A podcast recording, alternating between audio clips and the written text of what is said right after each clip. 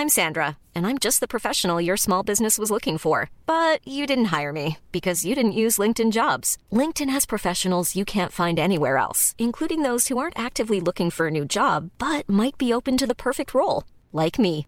In a given month, over 70% of LinkedIn users don't visit other leading job sites. So if you're not looking on LinkedIn, you'll miss out on great candidates like Sandra. Start hiring professionals like a professional. Post your free job on linkedin.com/people today. Burrow is a furniture company known for timeless design and thoughtful construction and free shipping, and that extends to their outdoor collection.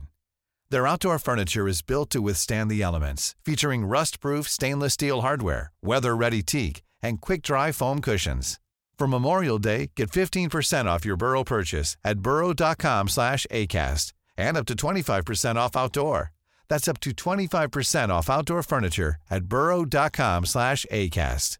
Ready to pop the question? The jewelers at BlueNile.com have got sparkle down to a science with beautiful lab grown diamonds worthy of your most brilliant moments. Their lab grown diamonds are independently graded and guaranteed identical to natural diamonds, and they're ready to ship to your door. Go to BlueNile.com and use promo code LISTEN to get $50 off your purchase of $500 or more. That's code LISTEN at BlueNile.com for $50 off. BlueNile.com code LISTEN. Hej och hjärtligt välkomna! Peter Esse här och idag så är det bara jag och Kristoffer Gullin. Men med tanke på att Kristoffer Gullin har Sveriges bästa poddröst, Sveriges bästa bildjournalist. Så vad gör det? Vi har det viktigaste här. Hallå Kristoffer! Hallå Peter, tack för det. Ha- Hade du det bra i Barcelona? Oh, jag, har, jag ska inte klaga. Det har varit eh, eh, otroligt trevligt och eh, spendera tid med 20-25 graders värme. Mm. Jag har ju varit nere i Barcelona och kört eh, nya Volvo EX30. Men det får jag inte säga någonting om förrän nästa måndag. Så att nästa måndag, för, bara förvarning, så kommer podden komma lite senare. Måndag klockan 09 istället. För er som lyssnar på morgonen där får eh, vänta lite längre helt enkelt. För att vi ska kunna eh, följa Volvos embargos. Du har ju också varit ute och rest ja. Resa och resa. Det är eh, precis andra sidan, är, ja, precis, eh, precis andra sidan Öresundsbron. Så eh, finns ett eh, ställe som heter Bella Center där E-car Expo har, eh, hade mässa. Och eh, det var då första gången i Danmark. För mig så blir det ju så att säga sätta sig i bilen och köra över bron och sen är det precis där. Men eh, jag kan säga det att den största strapatsen när vissa är i Barcelona. Så eh, att gå ifrån parkeringen till Bella Center det var nog det kallaste jag varit med om. Det måste nog varit det mest fruktansvärt mest kalla någonsin faktiskt. Men Oj, i, i, tänker hos Skåne, Danmark, var det plus fem då eller? eh, sex. Ja. Det. Och eh, det, ska, det är väldigt viktigt att poängtera här nu att eh, vi när det är plusgrader i Danmark känns det som att det är liksom minus 30 i Norrland. Det är ungefär samma, samma effekt på de vindarna. Liksom. Men det var, det var mycket snack om vinterdäck då. Jag skulle komma till. Det var lite kul. Jag var, tv- jag var tvungen att liksom prata med danskarna. Har ni vinterdäck eller har ni inte vinterdäck? Och det är lite blandat där nere faktiskt. Och, och, det här, och, ehm, och just det här med luftvärmepump och sådana saker. Just det här hur, hur spännande det är att någonstans höra hur det är i andra länder som inte riktigt har det här svenska vädret. Då. Och just hur, hur ensamma vi är i eh, Sverige och eh, Norge och kanske även Finland då. Om vissa specifika vinterbehov. Ju. ja, alltså Sverige är ju så pass långt att vi har ju så olika behov i vart vi bor i landet. Du har ju helt andra behov än vad jag har liksom. Och, mm, till skillnad från någon i Kiruna också liksom. Ja. Det är alltså inte i Danmark som det är här att regeringen funderar på att förlänga dubbdäcksperioden. Nej, det är det inte. såg jag att de hade gått ut som förslag på eller någonting. Ja. Eh, Om det skulle utredas. Det känns inte som en dansk. ett, ett danskt spörsmål så att säga. Däremot så sitter de och, och, och planerar ner eh, sakta men säkert eh, de här skatteinitiativen. Då. De har ju vissa avdrag att göra eh, om bilen kostar under 400 000 danskar. Och sånt där. Eh, så det är precis så att du får in dina Volkswagen-bilar. Liksom, bakhjulsdrivna. Eh, men men där, där pratas lite om att danskarna liksom ska också börja trappa ner sakta men säkert de här skatteinitiativen. Eh, hör, hörde ni det Sverige? Sakta men säkert utan några chockar. Det var ju våra planer också fram tills den 8 november. Ja, just det. Det är mycket på G i Danmark när det kommer till elbil. Det är liksom nästa stora tror jag, land i eh, både Norden och naturligtvis. Men även i Europa. Att, att omfamna elbilismen. För det var inte så många år sedan som jag var där och det fanns inte en elbil i Köpenhamn. Liksom. Det är lite roligt det här att eh, det som är det stora boven för elbilar det är kyla. Men vilka länder är det som går längst fram i elbilsbytet? Ja, men det är Norge, Sverige och nu börjar Danmark komma med. Liksom. Det går uppifrån och ner ja. i Europa. För när jag var i Spanien så var det inte jättemycket elbilar. Vi kunde räkna Teslorna på, vi såg på en hand. Ja. Det är ju någonting med förvärmda bilar som lockar med eluppvärmning Som inte liksom är att det står diesel, orenade dieselkokare på uppfarten i liksom radhusområdena. Så det finns mycket bra med, med kyla och el. Framförallt att de faktiskt bilarna startar i alla väder. Oavsett väder och vind så ska vi gå in och prata mer om hur det var inomhus på Ecar Expo istället. Men innan dess så har vi lite att förtälja om Tesla-strejken. Den är ju igång nu sedan fredags 27 oktober. Redan innan den här strejken gick igång så hände vissa historiska saker. Tesla lyckas ju bli strejkbrytare innan den strejken var igång. Och utan att de egentligen visste att de, gjorde det.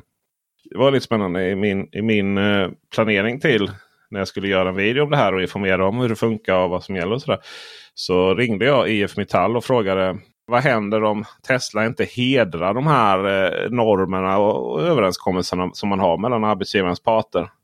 Det vill säga vi bryter inte strejk. Alltså vi, vi tar inte in personal som ersätter strejkande personal. I Teslas fall skulle det inte förvåna mig om de försöker säga upp personal. Det har de nog lärt sig nu att det här ska de nog vara försiktiga med. Faktum var att jag kände mig ganska dum när jag ställde den frågan. För det var liksom svaret var att det, det, det händer ju inte. Det, är ju, det vore helt oerhört att man gjorde på det sättet hela den här svenska modellen är så himla mallad. Vad som ska hända. Det, det, är liksom samma process hela tiden. Och Det måste bara göras någonstans. Och sen så ordnar det sig. För att arbetsgivarens parter, så att säga, arbetsgivarorganisationer och fackliga, äh, fackliga organisationer. De är så överens om egentligen liksom processen hur det ska vara. Så. Det är ju inte lagar. Alltså det är inte olagligt att strejkbryta. Tesla bara, nej men det är klart vi flyttar personal. Vi löser problemen visade sig sen då. Kundorienterat. Just väldigt kundorienterat. Bara några timmar efter jag hade ställt frågan och känt mig lite dum när jag pratade med IF Metall så, så var det just, just Dagens Arbete då som är en visserligen fristående oberoende tidning mot IF Metall och andra, andra eh, industrifackförbund. Men, men, eh, men kopplat till dem. Men det var de som avslöjade då att eh, ja, jo, men vi, vi kommer att flytta runt. Sådär. Det, vi ska väl lösa de problemen. Jaha, ja, nej, och det var väl liksom redan där då så vart det ju jädra i havet. Nu händer det grejer då. Eh, det vill säga nu har vi en, nu har vi en strejk som inte har de eh, gentleman agreements mellan de olika parterna som man har. Då, utan nu är det full kareta här. Så det som hände, eh, hände när strejken gick igång var egentligen ingenting. Av allt att döma så har inte Tesla medarbetare så himla stor fackanslutning. Och det visste vi väl redan då. Så det var business as usual på de flesta ställen. Förutom på i, eh, om det var Umeå så verkar man vara rätt eh, fackligt anslutna. Och även en av Stockholmsregionens serviceverkstäder eh, stängde för städdag. Passa på att städa. Smidigt sätt att göra det på. Ja. Eh, och sen så hade vi ju till exempel Tibor som på Tesla klubb eh, Sweden som besökte Tesla och lyckades komma in på verkstaden och prata med dem som om strejkens strejk. Och sen skrev han en rubrik som heter Strejken som inte fanns. Som är väldigt sådär. Eh, en, eh, ett inlägg som hade kunnat vara skriven av eh, Teslas amerikanska marknadsavdelning nästan. Men det var den upplevelsen som var på det stället helt enkelt. På, I uh, Infracity då. Strax norr om Stockholm. Samtidigt så försökte ju andra publikationer, Dagens ETC och sånt, försöka komma in. Och de blev utslängda direkt. och Så de fick absolut inte rapportera. Eh, så det är lite olika. Där. Poängen är i alla fall att det spelar liksom ingen riktig roll vad som eh, vad Teslas förehavande är. För att EF Metall redan innan strejken gick igång varslade om eh, strejk, sympatistrejk och blockad på diverse servicecenter som är, eller liksom verkstäder då, som är fristående från Tesla. Och de heter ju Verkstad. Det är ett bra, det är ett bra namn för en verkstad. Fast det är W och så eh, Verkstad. som är eh, A på slutet. då. Så de är varslade om sympatistrejk och eh, blockad. Det vill säga att de får då inte jobba med just Tesla-bilar. Det är väldigt så, gå in och detaljstyra. Och det har man ju rätt att göra då från fackligt håll. Så de får göra, eh, fixa alla, alla bilar och så. Men Tesla-bilar får de inte hantera efter 3 november. då. Så att det är eh, liksom varje fredag så händer någonting. Så efter 3 november här då så får då dessa verkstäder inte fixa Tesla. Det som kan vara värre då för Tesla är att det gäller även hanteringen av eh, hos Access Logistik. Och Access Logistik det är de som ta emot bilarna i hamnarna när de importeras. och fixa till dem vad det är som behöver göras. Bara sån sak som att sätta rätt registreringsskyltar och sådana saker. Och sen så kör de ut det till de här parkeringarna där vi kunder kan hämta bilarna. Men när vi hämtar Tesla så behöver vi inte ens träffa någon människa eh, hos Tesla om det inte är något specifikt som behöver göras. Borgenärsförbindelse eller vad heter det? Sån fullmakter och sådana saker om, olika, om, eh, om en hämtar den men det är en annan som äger bilen eller vice versa. Sådär. Där går igång den tredje så då kommer inte de kunna köra ut bilarna. Och det där kunde ju Tesla naturligtvis lösa enkelt genom att helt enkelt köra ut bilarna själva. De är ju problemlösare Tesla och har ju ingen som helst känsla för vad som är rätt och riktigt i den här konflikten. då Om vi ser utifrån eh, svenskt traditionellt fackligt perspektiv. Om man ser från som, som det amerikanska bolag de är så, och, och gillar det sättet att föra affärer. Så jag, tycker man ju de gör helt rätt då. Så att ni förstår att man kan se det på olika sätt. Hur löser vi det då? Jo då, eh, då tar ju Transportarbetarförbundet, ett systerbolag, systerbolag, ett systerfackförbund kan man säga till IF Metall. Då tar de ut hamnarbetarna i eh, Malmö, Trelleborg, Göteborg och Stockholm i eh, sympatistrejk och eh, blockad. Och det betyder att bilarna får inte komma in på svensk mark. Då. Det vill säga hamnarbetarna får inte ta in bilarna från skeppen in i hamnen. Det gäller bara Teslor. Och de vet ju så att det här går till också. För de jobbar ju med det här. Så transport, ja, man, man får flytta en Tesla några meter om det krävs för att köra ut en annan bil. Så tanken är att eh, jag som har köpt en eh, ID4 här nu och är jätteglad över den. Den, den kommer kunna levereras som vanligt. Eh, den kommer komma ut från hamnen som vanligt. Inga problem. Absolut. Även om den stå, skulle stå bakom en Tesla. Precis. Skulle, skulle stå längst, längst, in, längst in på bilfärjan där eller biltransport. Eh, och så står det 100 Tesla framför. Så får du köra ut de Teslorna.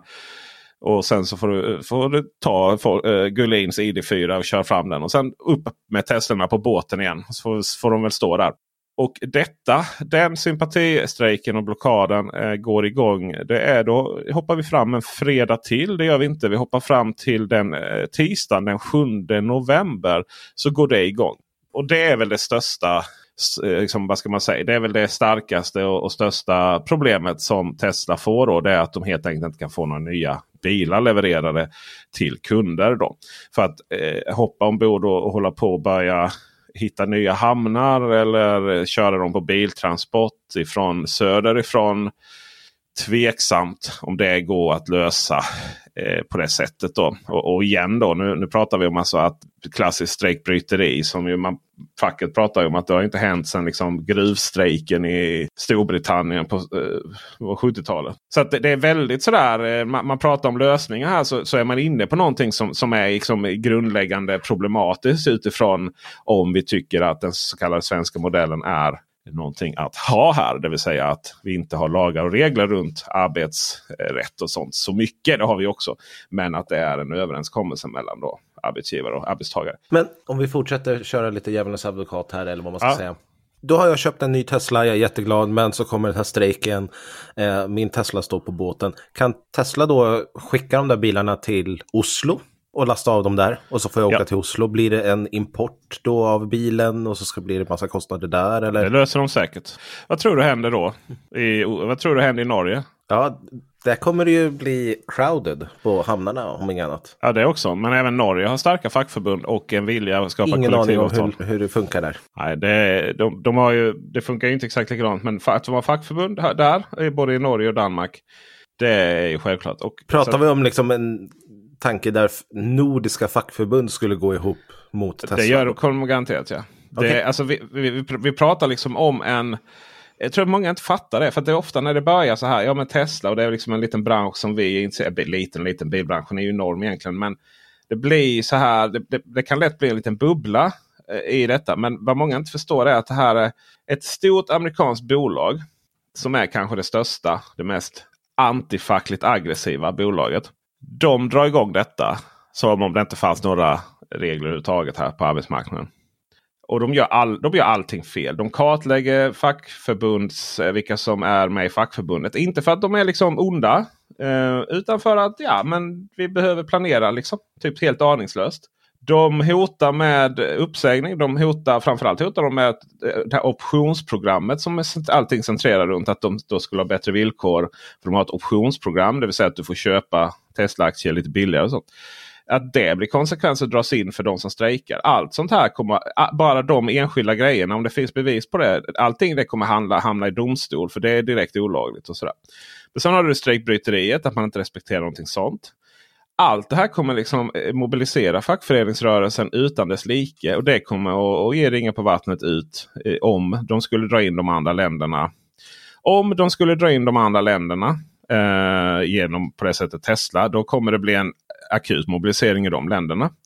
Om de inte gör det utan de helt enkelt ger upp här och Sverige, eh, ger upp på Sverige. Och, eh, antingen för att man då tecknar kollektivavtal. För att det är sån skitgrej egentligen. Bara teckna kollektivavtal och sen så får ni låta arbetsgivarorganisationen sköta förhandlingarna. Liksom. Och, så får man det.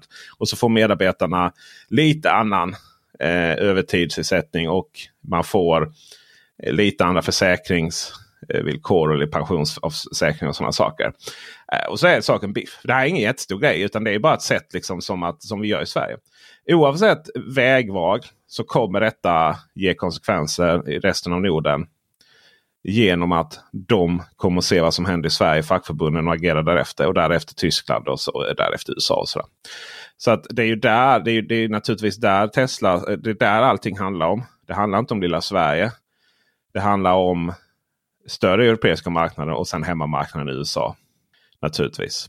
Så från och med den sjunde så kommer det vara svårt att få några nya bilar då, från Tesla. Sen har vi ju liksom själva eh, fack, eh, verks, liksom fack, eh, strejken handlar inte om eh, nybilsleveranser och sådär. Det handlar inte om de som sitter i den här kuben och eh, kollar avtal och sånt. Eh, utan det är ännu i alla fall. Utan det handlar ju om egentligen verkstäderna. Och de är väl de som är lite svårast att blockera då. Men det som jag tror kommer hända det är att man utökar då till eh, leveranser. Det vill säga att du får inte leverera varor till eh, de tar ut blockad av varor till Tesla-verkstäderna. Och utan några reservdelar så kommer du inte kunna laga några bilar heller. Då. Så, så där, det finns ingen väg för Tesla att eh, komma ur detta. Antingen får man skriva på eller så får man lämna landet. Det, det där är jag helt övertygad om. Vi får se hur det går helt enkelt. Det här kommer väl vara, följas upp eh, nästa vecka också kan jag tänka mig. Och eh, beroende på hur länge det här pågår. Ja, så är det. Unionen kommer ju blanda sig också för de vill ju ha de vill att tjänste, mm. tjänstepersonerna ska tjänstemännen ska också vara med. Då. Eh, och det är ju säljare och kundvård och allting sånt som också då kommer tas ut. Och där är nog, där är nog eh, eventuellt eh, fackliga anslutningen lite högre. Vi eh, går från svensk byråkrati till eh, dansk jävla anamma kan man säga. För att eh, jag besökte då Ecar Expo på Bella Center i Köpenhamn. Där har du sett saker som eh, vi inte har sett i Sverige än. Precis, det var mitt Tears in the Rain moment där. Om ni känner igen eh, monologen ifrån Blade Runner. I have seen things you people wouldn't believe. Eh, det vill säga Idebas Lång. Vilket nice. uselt namn. Det, det, är så Antiklimax liksom. Idebas lång. Jaha, okej. Okay. ja, jag undrar vad det kommer heta egentligen i svensk del. Long version. Ja, hellre det än lång bara. Det blir jättekonstigt. Long wheel. Ja, lång. Ja. Lång, lång, ja. det, det, den är ju både lång och long range. För den har ju, den har ju eh, större batterier. Men framförallt är den längre. Den har tre rader. ja, precis. Den, är, den har ju... Den är... Eh, 4,96 meter då jämfört med eh, den gamla. Om vi kallar den det. Som, jag tror inte den kommer att säljas. eh, Den gamla. eh, Utan det är den här långa. Alltså den gamla säljs ju som cargo-version. Det kryllar av dem i Stockholm. Ja precis, det blir cargo-version. Den är på 4,71 meter. Då, så att det blir eh, 25 centimeter mer utrymme mellan eh, hjulhusen. Och det gör att bagageutrymmet har ökat till 2469 liter. Det är, eh, det är nästan så att den här borde komma i cargo-version. För detta är ju naturligtvis bagageutrymmet då, utan den här tredje stolsraden. Då. Eh, och tidigare var den, det är en ökning med 264 liter. Det är inte helt omöjligt att det kommer en cargo-version av den där. Det ska ju sägas att eh, med de här tredje stolsraden upp, upp så du, du får ju inte ens plats med en du vet en sån här stor resväska som man har när man ska på utlandssemester länge. När man är stora. Du får ju plats med en sån stående på höjden där bak. Och då får du, då får du nog liksom hålla mot den när du stänger luckan. Liksom, så den inte trillar ur. Har du någon aning om djupet i centimeter? Nej. Jag trodde alla sprang runt med en lasermätare. Ja, alltså det, det är det jag säger. Jag har så mycket att lära av dig Gullin. Det är klart, det är en helt självklar. det är en helt självklar. Jag tänkte på det, undrade. Det vore ju intressant att mäta med typ eh, Kia EV9 liksom. Ja, verkligen. verkligen. Ja, det är faktiskt en helt, he, inte en helt irrelevant sak. Om du har sju personer i en buss, liksom, en minibuss. Det är så här, vad ska grejerna vara? Allting är så här mega manuellt då. Det säten och allting. Du får göra allting med eh, snören och du får, till och med snöret som liksom ska ta upp tredje sätesraden. Den är gömd där bak. Så att den, du hit, vi, vi stod och letade, vi och Volkswagen länge. Liksom. Har vi fått några priser? Nej, det har vi tyvärr inte. För närvarande så säljer de ju bara den gamla versionen. Vi får väl se helt enkelt. Den är, kommer ju vara jätteattraktiv. Det är ju... Kommer den vara det? N nu är inte det här alls mitt segment. Men, men skulle folk hellre köpa en sjusitsig buss eller framför en sjusitsig SUV? Det är så mycket plats i denna. Det är så, du vet, tredje stolsraden har ju lika mycket plats som när du sitter i en Nio EL7. Liksom. Ja, det, det är för sig uppskattat. Medan tredje, tredje stolsraden i en, i en SUV är ju alltid för barnen. Jo, så är det ju. Men ja, då är det här, måste det här vara mer för, för taxis eller någonting. Eller varför skulle vuxna sitta där bak? Som sagt, det här är inte alls mitt område. Traditionellt sett så har du ju inte minibussar för familjer. Så är det ju naturligtvis. Um, det är ju väldigt mycket transport av människor. Så är det ju. Uh, sen om det här är en bra taxi. Jag vet inte. Uh, sådär. Det, det, vill vi ha en minibuss där det är enormt mycket utrymme för att köra människor i. Så är denna helt trevlig, fantastisk på alla sätt och vis. Det saknas en grej med den här bilen och det, det kommer vi väl återkomma till. Men innan dess så har vi ju fått såna här. Vi är bevingade med AC där bak. Va? Fint det va? Mm. Fint ska det vara. Fint ska det vara. Eh, det hade man ju inte i eh, den gamla. Och du kunde ju inte heller dra ner fönsterrutorna Nej. där bak i den gamla. Eh, så att det fanns ju inget sätt att få luft. Nej, precis. Som sagt, jag tror ju 100% på att den var byggd för en cargo-version. Ja, det så var ju satte cargo. de in ett baksäte för att folk skulle hålla käften. Ja. Eh, För att annars så skulle det komma klagomål. Men även om ingen köper den. Nej. Sen tyvärr så har man ju, man har ju, jag vet inte prioritering här. Det blir ju ingen camper-variant av den ju. Vilket jag också tycker är hål i huvudet. Men det är ju det. För det, det är så himla konstigt. Du, det hade kunnat vara den här, det hade kunnat vara den här nyrenässansen av eh, någon form av eh, gamla bubblan. Och, och, som du hade kunnat bo i. Mm. Vet, allt som krävs är så här. Du behöver inte göra Du behöver bara kunna ha AC'n igång 24 timmar om dygnet. Lägg in ett campingläge så kan folk bygga det själva om inget annat. Men inte ens det. De visade ju upp på EA Mobility visade de upp den eh, korta varianten med. Eh, hade de gjort en perfekt eh, säng där bak. Såg jättemysigt ut och så fanns det liksom stormkök som var in, inte inbyggt i bilen men som de hade monterat på. För det finns ju lite så här moduleringskrok och sånt. Så.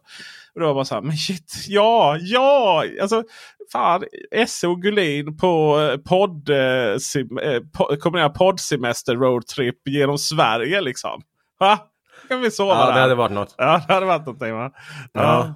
Men istället så måste man hålla på och fippla för att hålla bilen igång om Ja, man ska sova. nej, det- eftersom det- den stänger det går av sig inte. när man Det hoppar går ju ut. inte. Så är det. Så det, det är liksom halva, halva vunnet där. Eh, luftvärmepump effektiv som standard.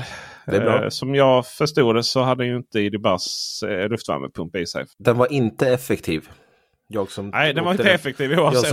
Om den fanns var den inte effektiv i alla fall. Nej, precis. Nej, jag fick ju ett nej på om det fanns luftvärmepump. Men det kanske, varit, eh, det kanske var att den var så ineffektiv så vi ser inte den som en luftvärmepump. Då. Eh, vi har ju 4.0 mjukvaran i denna bil då, naturligtvis. Så att vi får ju förvärme av batteri vid färd. Positivt. Panoramataket är ju samma som ID7. Så att vi har eh, det här glas eh, som blir solitt. Eh, så det inte går att se igenom. Tänk dig att sitta där, kolla upp på stjärnorna och prata om livet. Då. Ja, Ja, det- nej, det får vi inte. Det får vi inte. förhoppningsvis så är det en mjukvaruuppdatering eftersom 4.0 ska kunna få sådana. Så. Ja, just det. Mm, vi får se. Vi har ju den nya Volkswagen-motorn på 210 kW istället för 150 kW. Då, så det är klart det är ju en, en, en stor förbättring. Det, är så här, vi har, det roliga med de här grejerna är att vi har bara kunnat sammanfatta det som att ja, men det, det är liksom nya MEB-plattformen. Alla bilar är ju samma. Det här är Volkswagen. Det, det är så, allt, alla är samma.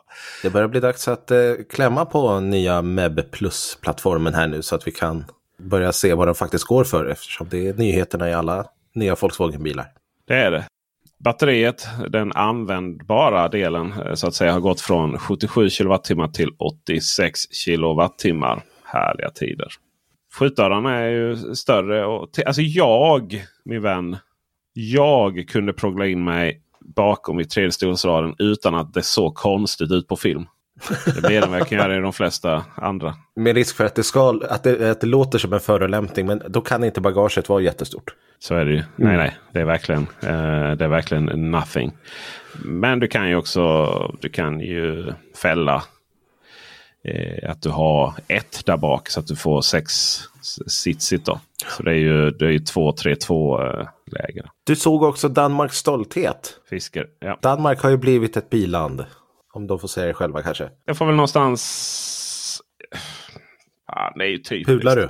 Nej, men det är ju typiskt att man är som alla andra. Liksom. Jag, har ju varit rätt, jag har ju varit lite så här. Ja men du vet Real Artist Chips. Kom igen nu eh, fisken. Nu får ni leverera era bilar. Den finns inte på riktigt och sånt där. Och där någonstans är jag ju kvar i det här. Men jag har ju gått ifrån förakt mot Henrik Fiske för detta. Att liksom, nu får ni leverera bilarna här. Liksom. Det är mycket snack om och sådär. Men, men, men alltså, de, de finns ju inte riktigt. Eh, visst, det har kommit några. Men det är inte liksom kanske just de paket man vill ha. Hur är det liksom med eftermarknaden och så vidare. Mycket krav har jag ställt på denna man och dess bolag. Jag, jag gör väl det fortfarande. Men nu har jag gått från fasen kom igen nu då. Leverera det. Det är ju faktiskt rätt nice den där Fisker Ocean alltså. Det är ju det jag säger. Ja, sticka in dig i det här ögonblicket nu då. Det betyder ju inte, Ja. bara för att den är nice så betyder ju inte att den eh, på något sätt att de har större leveransförmåga för det. Så. Dessutom kommer det bli lite dyrare nu också. Men det är ju en bil som är väldigt högt och lågt får man ju säga. Om man ska kolla priser och sånt där. För att jag stod där på mässgolvet och skulle faktakolla lite. Och då går jag in på Fiskars webbsida. Så då blir jag ombedd, ombedd att ladda hem deras app för att kunna konfigurera och kolla priser. För Google på min iPhone. Så klickar jag där. Ja, mycket riktigt. Tänkte man skrivit fel. Nej, nej, det kommer inte till Google Play Store. Okej, då får jag gå in på App Store och så får jag ladda hem fiskerappen. Och då är det ju den här som, liksom, som är uppkopplad mot bilen också. Som är liksom konfiguratorn också.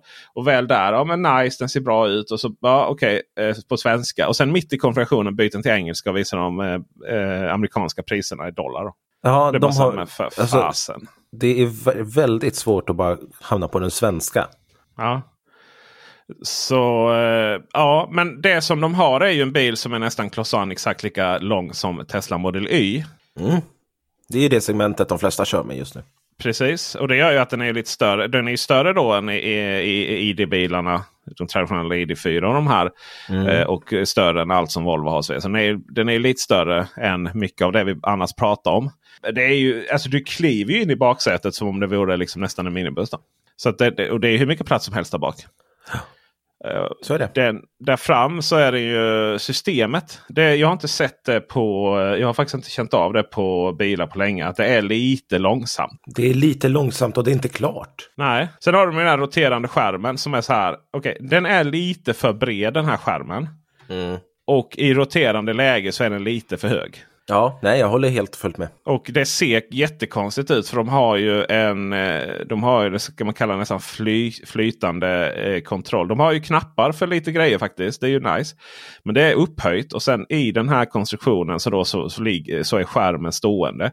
När du sätter skärmen vertikalt istället så, så, så är, ser det ut som att den här eh, att det saknas någonting mellan skärmen och de här knapparna. Det är bara ett utrymme med någon ful plasthållare som, ja. som ska se ut att vara då. Så det är ett jättekonstigt designgrepp. Skärmen är ju 17,1 tum. Och alltså jag kan ju personligen känna att Teslas 15-tummare det är sweet spoten för en skärm. Ja, även Seekers. Eh, eh har de samma? Det är 15,4. Ja, precis. Ja, men det är ju 15 ja. tum där omkring också. 17 tum, det, det blir för mycket. Det blir för maffigt så. Och eh, dessutom så... Jag vet inte men du vet, när man tänker på det. Det här är ju en förhållandevis billig bil, ska jag säga. Så det är ju intressant att det kommer billiga bilar i det här segmentet. Och den har ju ganska så lång räckvidd också. Även om det, Bara för att, att definiera säga... billig bil. Fullutrustad så kostar den 699 000 kronor. Absolut. Och VLTP är 707 kilometer. Det är faktiskt en SUV som har längst VLTP. Ja. Men då är ju, då är ju det, det fullutrustade. Men de har ju då den här varianten som... För den har inte kommit om... Eh, eller vilken är det? Som, det är också, jag var så himla svårt att förstå. För de, de, har, inte, de har ju bara släppt en eh, variant av den. Ju. Ja, de har ju släppt den här Ocean One till. just nu. Och det är ja. ju en Extreme fast i liksom First Gen eller First Edition utförande typ. Om jag har förstått det. det rätt. Eh, ja. Men sen är det den här Ocean Extreme som ska vara hög, högsta utrustningsmodellen och den kostar 699 000 kronor. Just det. Men 699 000 för den högsta utrustningsmodellen. Det, alltså på pappret så är det ju billigt. Det är ju ja, bra det, mycket grejer man får. Men framför, eh, prisvärt, det har ju vi ja, fått ja, pris, reda ja, på att vi ska säga. Jag ska inte säga billigt, det är prisvärt. Ja. Men, men det är ju inte liksom någonstans den vi då när vi tänker billiga bilar som vi ändå. Om vi ska använda ordet billig så tänker vi liksom. Vi vill ju ha ner utrustningsnivån lite då ju. Mm. Och, det, och då minskar vi ju. Då får vi ju mindre batteri också. Mm. Eh, och minskar räckvidden då. Vi, kan, vi får minska ner den till eh, 465 kilometer eller 40 77 mil eh, avrundat. Och så har vi liksom eh, 0 till 100 på 7,4 sekunder. Eh, ID-Buzz eh, snabb den då. Eh, och då är vi nere då på för närvarande 483 000. Eh, så. Sen vad exakt vad som ingår i den, den bilen, eh, det har vi inte här. I, så Detaljer får vi kolla på när vi faktiskt recenserar den här bilen på riktigt. Men då är plötsligt då, då, då är det inga, då är det inga eh, solpaneler på taket och, och sådär. Nej, och sen är inte bilen uh, fyrhjulsdriven längre och det är lite uh, sådana saker. De har ja. väldigt svårt att få fram en pressbil. Jag har tjatat på dem större ja. delen av sommaren och hösten här. Ja. Kommer de snart. flög ner några andra än vi och fick prova några för, förproduktionsbilar. Eh, grejen med för de här 400, eh, 483 000 så det är väldigt mycket bil för de pengarna. Det var det jag ville ha sagt. Mm. Det, som, det som är väldigt 483 000 eh, elbil, mycket bil för pengarna. Det är att om det fanns ett pris för absolut plastigaste handtag så hade den vunnit vilken dag som helst. alltså, den, de ser ut att gå sönder bara jag tittar på dem. På insidan då. Jag, jag förstår det. det, det, det är, man, man måste verkligen ha kämpat hårt för att få denna, dessa fruktansvärda interiörhandtag. Ja, jag kan inte minnas att jag har tänkt på det. Nej, det, är, det, det vi får se videon sen. Man hör, jag vet inte om man hör det så. Oh, de, stod, de stod bredvid Joe and the Juice. Eh, mm. Gjorde de. Alltså, och du vet eh, den musiken som spelar där. Man, de måste ju ha öronpluggar de som jobbar där. Annars hade de varit lomhörda för länge sedan. Så jädra högt. Så vi får se om, man, om det går igenom. Men det, Fisker Ocean är ett jätteintressant eh, märke. Men det är så här. Ja, de får inte fram pressbilar. Det är lite så här. Har de börjat leverera? Ja, några bilar har kommit. De levererar inte på alla utrustningsnivåer. Så, det, det är en process. Jag, jag önskar dem lycka till. Ja, och alltså, det, det som jag vill understryka och som jag absolut inte tycker om med Fisker eh, Ocean, eller Fisker överlag, så att de släpper bilarna innan mjukvaran är färdig. Många bilar, ja. som jag har förstått det, så finns inte adaptiv farthållare i bilen än. För den mjukvaran är inte klar. Men om man börjar leverera jag, jag bilar. Hittade någon, jag tyckte i menysystemet hittade jag någonting sånt. Men uh, ja, Mm, det, men det är ju så. jag är med i Fisk Erosion-gruppen på Facebook och det, okej, där, där säger folk liksom att mjukvaran liksom inte är färdig. Man har liksom Nej. inte ens adaptiv farthållare än. vidhåller jag det jag sa i, eh, i något avsnitt där att eh, man måste kunna leverera sina bilar och en leverans av bilar är när bilarna anses som klara. Om vi ska prata om billiga bilar då, så kom ju BYD här med sin Dolphin. Det är ju den, deras nya bil som eh, kommer här till Sverige nu. Börjar på 359 000. Dra på trissor. Det är väl ett... eh, Jag vet inte om jag kan säga prisvärt för jag har inte sett den. Men jag har en poddkollega som har gjort det. Som kanske kan berätta om det är en prisvärd bil eller om den bara är prissatt. Ja, eh, svaret är ja eh, och nej på den frågan. Jaså? Såklart va? Ja. För det första så... ja, precis.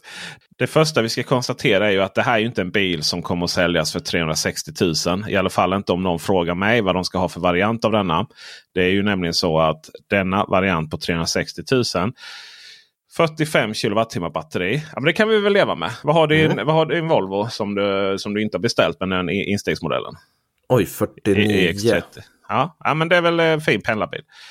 Motoreffekt 70 kilowatt. Jag var tvungen att kolla så det inte var ett fel där. Det är ingen racer utanför förskolorna. Nej, men det går bara 40 i stan. Så att man behöver inte mer. precis. Problemet då, eh, och det är inte det som problemet är att den är enfasladdning på den varianten. Ja, alltså. Mm, jag, jag förstår att du tycker att det blir ett problem så. Men samtidigt så MG4 standard range har också det och säljer. Och om du bara har 44 kilowattimmars batteri. Du behöver ju knappt ladda snabba, snabbare. Nej. Men om du lägger till 15 000 så får du eh, trefasladdning och eh, 130 kilowatt motor istället. Är det inte större prisskillnad än så? Nej, den tror jag är så att säga eh, sweet spot för de som behöver en andra bil in i stan. 375 000 för detta. Och då, ska, då är det samma batteri. Eh, det vill säga så den har ju lägre räckvidd då. Eh, den har 31 kilometer mil, förlåt, 31 mil VLTP. Medans då eh, den här med, eh, med lägre motoreffekt den har eh, 34 mil VLTP. Men det som jag tycker är roligt med både Boost och Active. De, heter, de finns i fyra varianter för svensk del. De har Active och det är den där lilla trefasladdaren. Boost, eh, enfasladdaren, förlåt. Boost så är ju den eh, liksom med samma låga lilla batteri. 45 kilowattimmar. Men att du har då trefasladdning och 130 kilowatts eh, motoreffekt. Comfort. Comfort har då 61 kilowattimmar och 150 kilowatt motoreffekt. Och sen så finns det Design som har då eh, samma stora batteri på 60 kilowattimmar. Men som har då lite tillägg. Det är framförallt panoramatak. Och det panoramataket det ska man hålla sig långt borta från.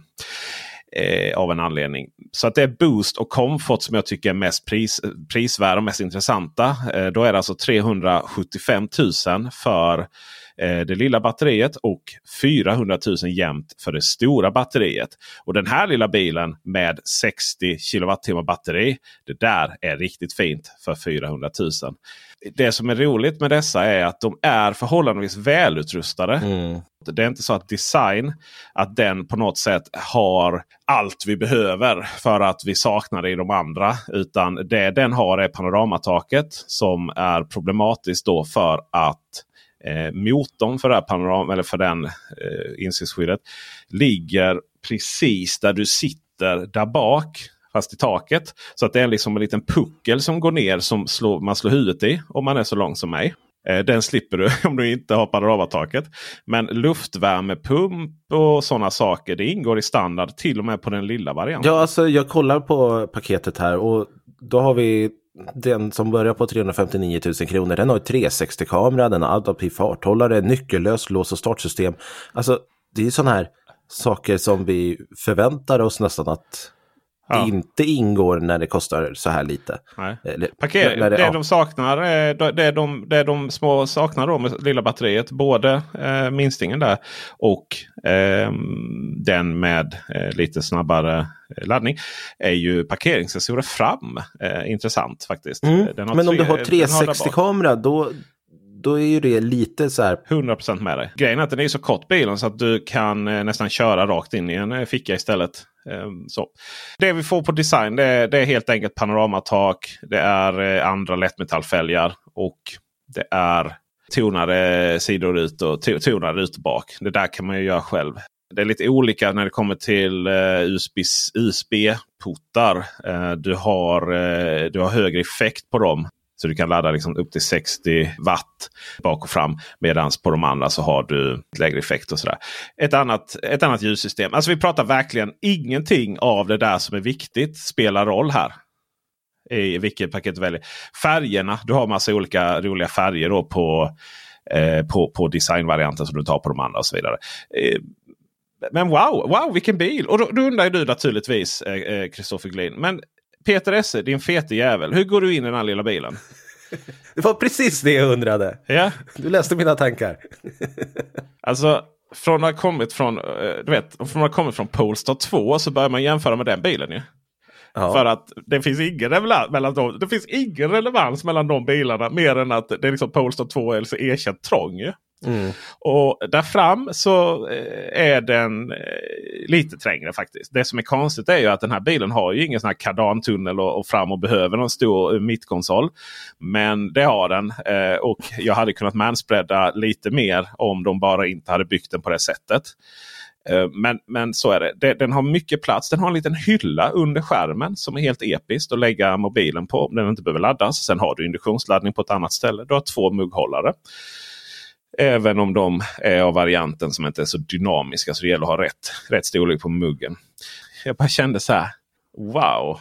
Du, du har ju samma kontroller som på Bydato 3. Det är ju väldigt så. Mm. Ratten har ju alla kontroller du behöver. Inklusive att lägga skärmen eh, horisontalt eller vertikalt.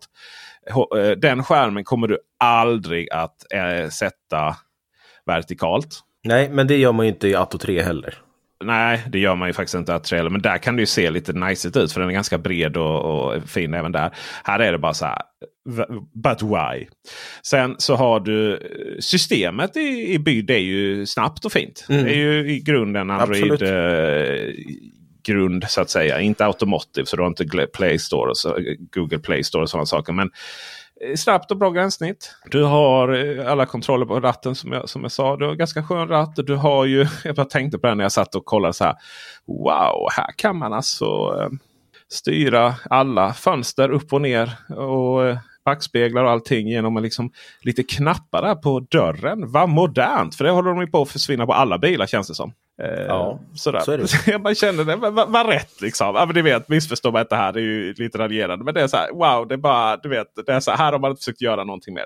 Sen så går ju Peter S och sätter sig bak, bakom mig själv i baksätet och får plats bortsett då från den här lilla pucken då, omvända pucken från taket då. Där jag så att säga får ducka och sen föra in huvudet lite längre bak. Och då får jag plats.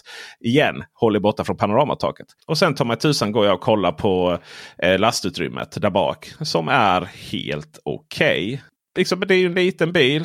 345 liter. Men alltså det känns som... Det, känns som, det, känns, det här känns ju som den där elbilen som varenda hemtjänst skulle ha i hela landet. Bara köra runt. Och dess handtag. Jag, jag, jag, jag försökte hitta delfinen i den här bilen. Det förstår du ju. Det är ju mm. det viktigaste. va? Ja, ja absolut. Och, och, jag tror att ljusanimationen där bak har någonting delfinaktigt. Bilen i sig eh, ska vara lite delfinkänsla. Men det, grejen bilen är ju bara så här. Liten småbil som har en design som ser ut som en liten småbil. Det är så här, den ser ut som varenda liten småbil som någonsin har gjorts eh, med lite extra LED-belysning. Eh, men handtagen, de ser ut som delfiner. Så jag, jag satt och smekte handtagen, gillar delfiner. Mm, Okej. Okay. Eh, kommer den här ta från Volvo EX30? Nej, det tror jag verkligen inte man kommer göra. För någonstans är EX30 utan att du har sett den i verkligheten till skillnad mot dig. Nej, det är ju det som är lite komiskt här. Jag har satt EX30, du har tagit Dolphin. Precis, en bil som man köper för att man vill ha en Volvo EX30, tänker jag väl. Okej, okay, så man köper inte EX30 för att man bara vill ha en liten bil. Då köper man Dolphin istället? Om du bara vill ha en liten bil, billigast möjliga, så, ja. så är det ju Dolphin. Men, men, eh, men Volvon är mer ett statement i Sverige i alla fall. Alltså Volvon har ju en, Volvon är ju vacker. EX30 är ju en jävla vacker bil. Ja, jag tycker att det är faktiskt en snygg bil. Ja, den har ju karaktär och, och, och liksom, jag kör en Volvo. Jag tror, jag tror inte man liksom skulle råka snubbla och sen helt plötsligt ha ett kontrakt i handen för en Volvo EX30. Jag tror att det är ett medvetet val. Medan bydd Dolphin är sådär Shit, 190 1995 i privatleasing. Ja, det ska, det ska bli riktigt spännande att se vad de lägger privatleasingen på för den bilen. Ja. Och eh, Volkswagen med sin ID3, de ja, kan ju ställa sig ett hörn. Någonstans, för det, är ju en bil ingen kommer köpa. Det är lätt att underskatta ID3. Ja, eller ja, det, nej. Alltså, Volkswagen. Jag tror att vi är blinda. Jag tror att du och jag är blinda där när det kommer till eh, Volkswagen. Eh, I det faktum att det finns rätt många som, som köper Volkswagen för man vill ha en Volkswagen. Ja, det är mycket möjligt. Och det är väl de som gör det i så fall. Det är väl likadant med Volvo och så vidare. Bydd har jag svårt att tro att det är särskilt många som köper en bydd för att de vill ha en bydd. Eh, ja, men jag, jag, tror att, jag tror att he hemtjänsten eh, har ju varit liksom lite ID3 kommun och sånt har ju varit så ID3 mm. eh, har ju varit rätt, rätt sunt. Det var ju den val. bilen som fanns. Men ja, Ja, så, men, och när det, kom, men när det kommer liksom bara ha bilar till, eh, bilar till sin flotta av billiga bilar som du ska köra runt i så är Dolphin helt perfekt. Men om du har det här att du är det här bolaget som ändå ska liksom göra lite. Du vill ha en billig bilflotta till dina anställda eller till och med tjänstebilar. Som är, eh, eh som är du har företagets logga, du kanske kommer stripa det med lite mm. roliga figurer eller vad det kan vara. Då är ju ID3 perfekt för det där. För den är så här, det är så här lagom statement det är ju ändå en bil som, ja. liksom, ja, som, som, som, som, har en identitet. Så. så Volkswagen har företagskunderna helt enkelt? Ja, det kunde man verkligen sammanfatta det som. Tack! Ja. Det, var faktiskt, det var faktiskt en bra sammanfattning. Eh, vi, vi fortsätter i, i småbils... Ehm, eh, paradiset då. Jag vet inte om vi kan kalla en 4,4 meter lång bil för småbil längre. Allt under ID4 storlek är småbil för mig. Ja, jag tänker väl, ja, alltså, mm, runt 4,2-4,3 då tycker jag att det är småbil. Sen börjar vi ju gå upp i, men ja, strunt samma om det. Eh, det här är Mini Countryman som har fått ett svenskt pris nu. De ska ju, det ska ju bli en elektrisk version av den. Den ska komma i en fyrhjulsdriven version och eh, lite senare så ska det komma i en framhjulsdriven version. Men nu har vi fått svenska priser på den fyrhjulsdrivna och det är 529 000 kronor. Låter väldigt mycket för en Mini tänker jag först. Men då har vi alltså en fyrhjulsdriven 4,4 meter lång bil på, med en VLTP på 433 kilometer, 230 kilowatt eh, kombinerad motoreffekt, 66,45 kilowattimmar batteri. Jag vet inte om det är brutto eller netto om jag ska vara helt ärlig. Bilen har förvärmning, power, eh, plug and charge eh, och som sagt, det kommer en tvåhjulsdriven sen med 462 kilometers eh, räckvidd. Den här har ju blivit designad lite annorlunda jämfört med tidigare Minis. Den har ingen förardisplay utan den har en skärm i mitten som är rund, vilket är typiskt Mini. Eh, ser lite konstigt ut, eh, men jag kan tänka mig att det är någonting som kommer många som gillas av många. Det är en häftig designpiece som annat. Och jag känner så här, 529 000, 4,4 meter lång, AVD, 43 mils räckvidd är det så dåligt ändå? Jag menar, Mini är ju ändå en BMW-ägda och är inte superdålig kvalitet på de bilarna. Nej. Mini Cooper SC var ju en riktigt kul bil som jag, som jag körde. Och jag var fullt nöjd med den. Finns det så många andra elbilar som kommer 43 mil och är fyrhjulsdrivna för 500, under 529 000 kronor? Tror jag inte. Det, det är så kul alltså att vi pratar om bilar. säger plötsligt är det podd och bara hur billiga alla bilar är. Förlåt, kostnads, kostnads prisvärda. Ja, för, ja, alltså 529 000 det är fortfarande otroligt mycket pengar. Och mm. jag tror att eh, Mini kommer behöva komma med något schysst eh, privatleasingpaket eh, på den här bilen. För att jag tror inte att folk kommer lägga 529 000 på en Mini Countryman. Nej. Men i Sverige så tycker vi om fyrhjulsdrivna bilar. Ja, det är inte skåningen i mig som säger det kanske. Eller det var du som sa det. Men, men visst, vi, vi har ju en tradition. Vi har en tradition Men jag tror att det handlar väldigt mycket om att eh, batterierna har varit så stor del av priset på bilar. Mm. Eh, och ta till exempel Dolphin. Eh, du vet, man, behöver inte ens, man behöver inte ens fundera på vad det är för typ av batteri. Det är LFP-batteri naturligtvis. Ja, ja, liksom. absolut. Billiga Blade-batteri. Ja. Och eh, någonstans här så, så har ju priset på batterier har ju gått ner eh, en del tror jag. Och eh, dels genom att Eh, litiumpriset har gått ner men också dels så att man har eh, kommit på nya tekniker. Och sådär. så då, förut var det så viktigt att du vet, bilarna blev så dyra så då gällde det ju verkligen att specificera övriga saker eh, högt. då. Eh, och därför tror jag fyrhjulsdriften kom som en naturlig del av det. Men alltså, fyrhjulsdrivna bilar, liksom, det så, hur ofta i vardags behöver du det? Liksom? Säger, säger skåningen återigen då. Om jag säger så här då, liksom, vi har ju Kia Niro EV är ju en väldigt populär bil. Börjar på omkring ja. 500 000 och sen går den ju upp till 580 000 på Kias hemsida, officiella priserna. Varför ska jag köpa Kia Niro EV med mellanpaketet för 530 000 om jag kan få en fyrhjulsdriven Mini Countryman byggd av BMW som är fyrhjulsdriven får dra 1200 kilo versus Niro EV som får dra 750 kilo.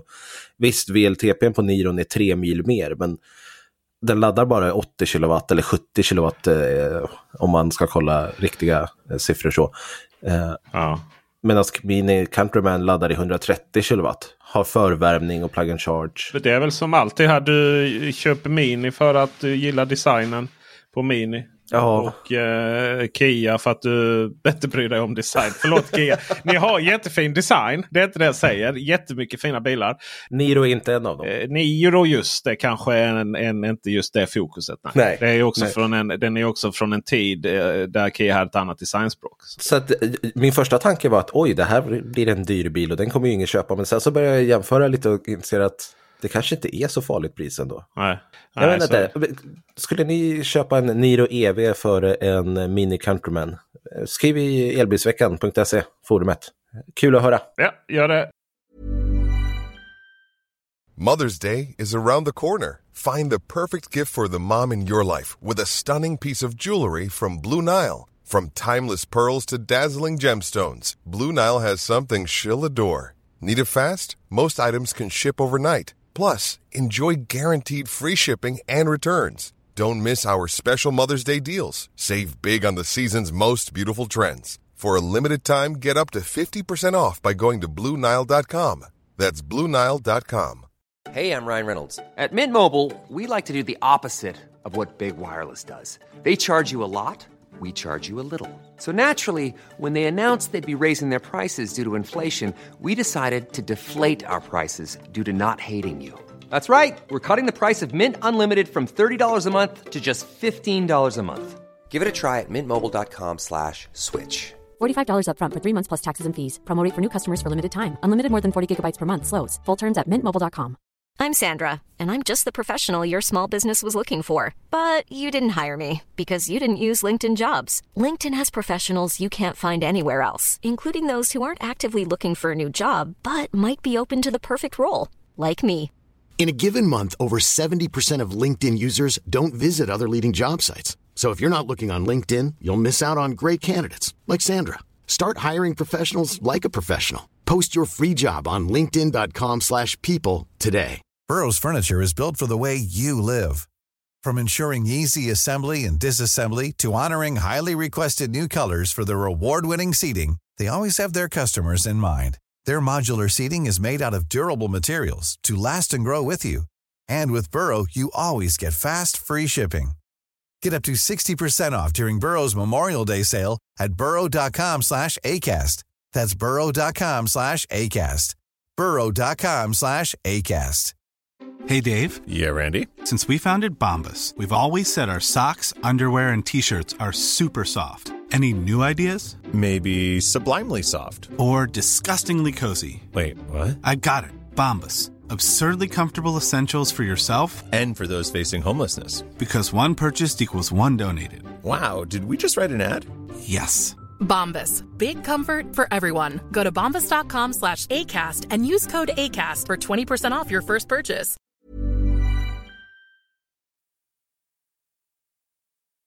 Vi har ju pratat väldigt mycket om en bil, Tesla Model Y. Vi har hintat om den eh, både en och två gånger. Eh, man kan älska den, man kan hata den. Du har köpt den, jag har hyrt den. Vi har upplevt den i ett par veckor här och eh, har tankar, tycken, åsikter. Är det en älska eller hata bil? Ja. Eller finns det ett mittemellan? Nej. Okej. Okay. Och tack för att ni lyssnade. Eh, Nej, nej okej. Nu ska vi försöka utveckla det här lite.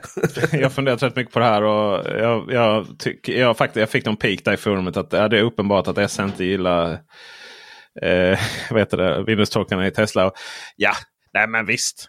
Det är en rejäl kulturkrock här eh, känner jag mellan mig och min bil.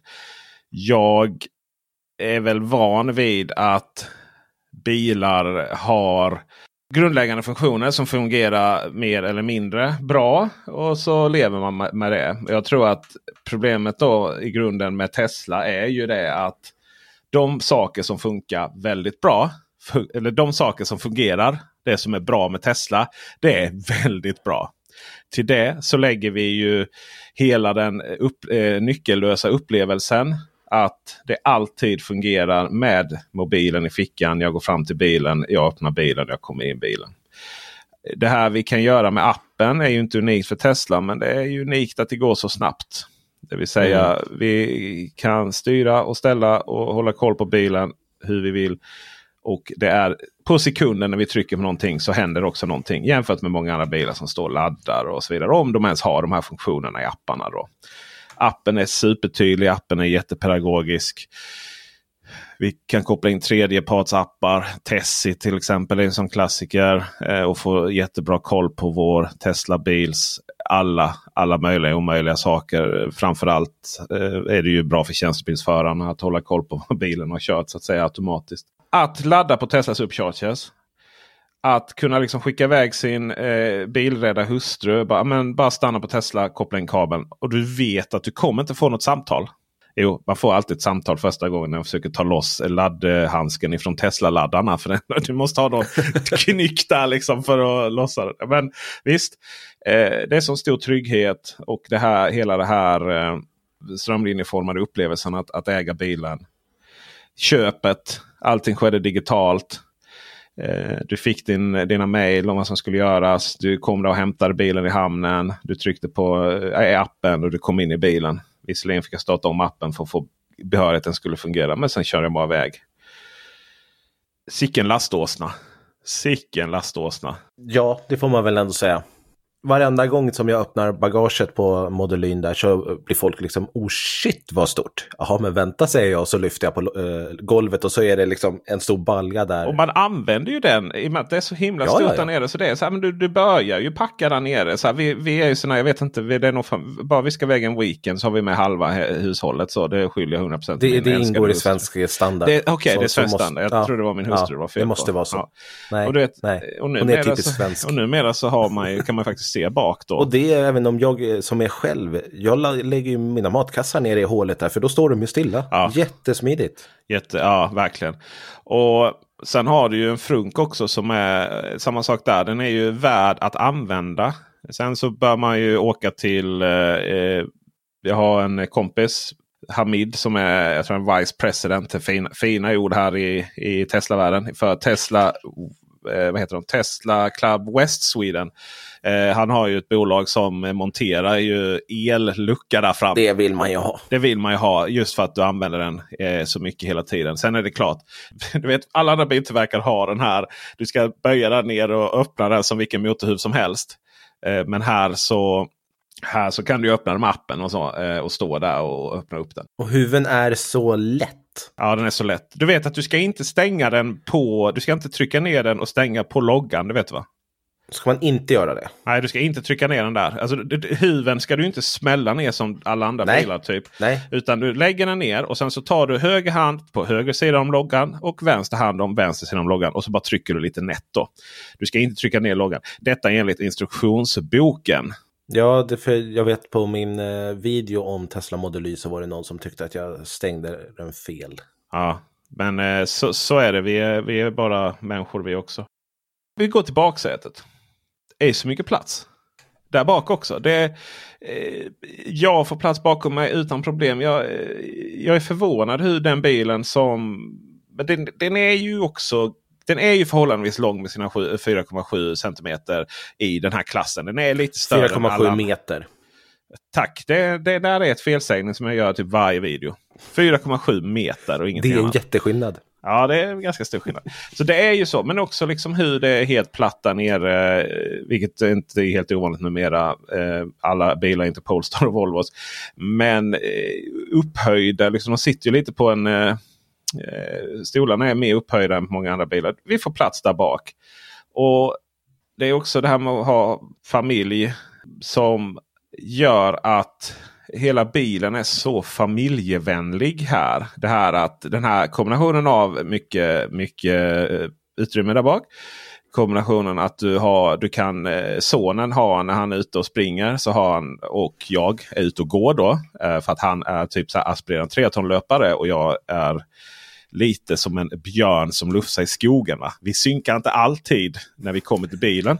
Då har han sitt NFC-kort med sig och sätter sig i bilen och sitter och kollar på Youtube där. Liksom. Klockrent. Och, och det, det, är så, det är så himla nice.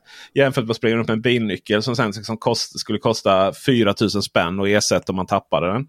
Eh, jag kan, kan, kan ju få i appen också eh, så att han får tillgång där. Det jag saknar är ju att det inte finns eh, barnläge. Alltså det vill säga att du, du kan bjuda in ett barn och så kan göra allting förutom att bilen kan inte starta. Liksom.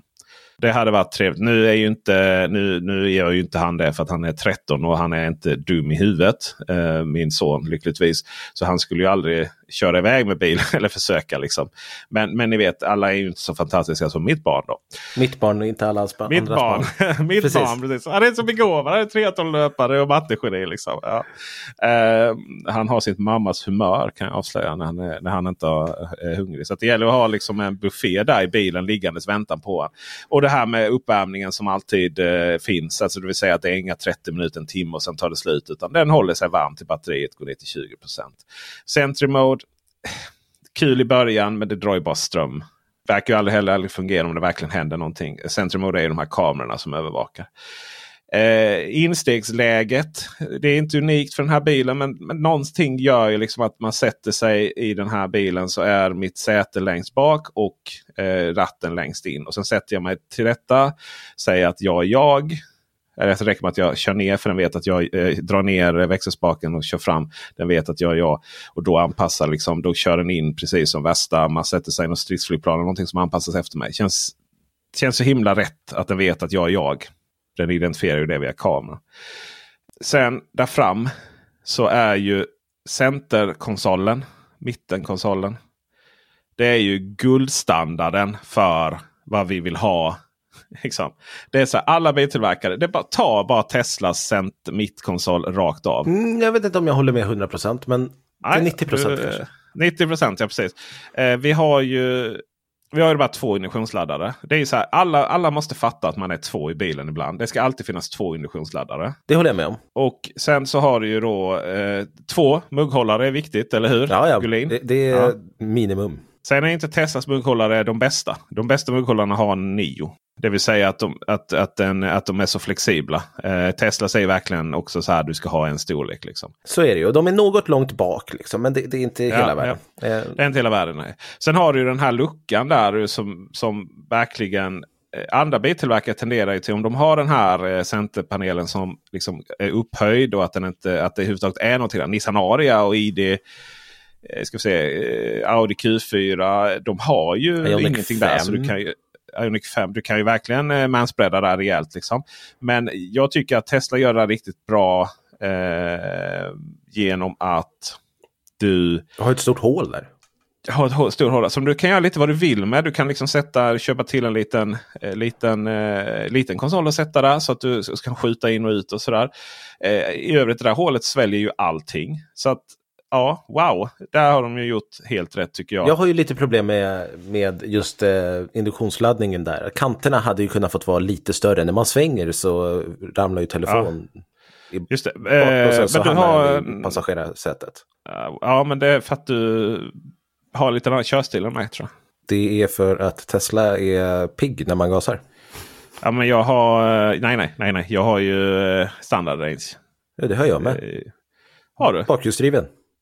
Ja. Ja.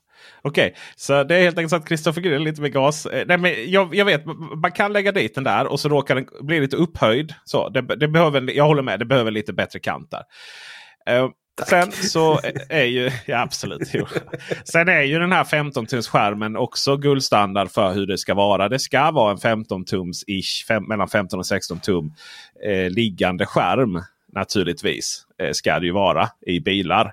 Det som Model Y saknar är ju en skärm framför föraren också. Mm. Och jag uppskattar skärm framför föraren extra mycket när den har en navigator. Detta är välkänt.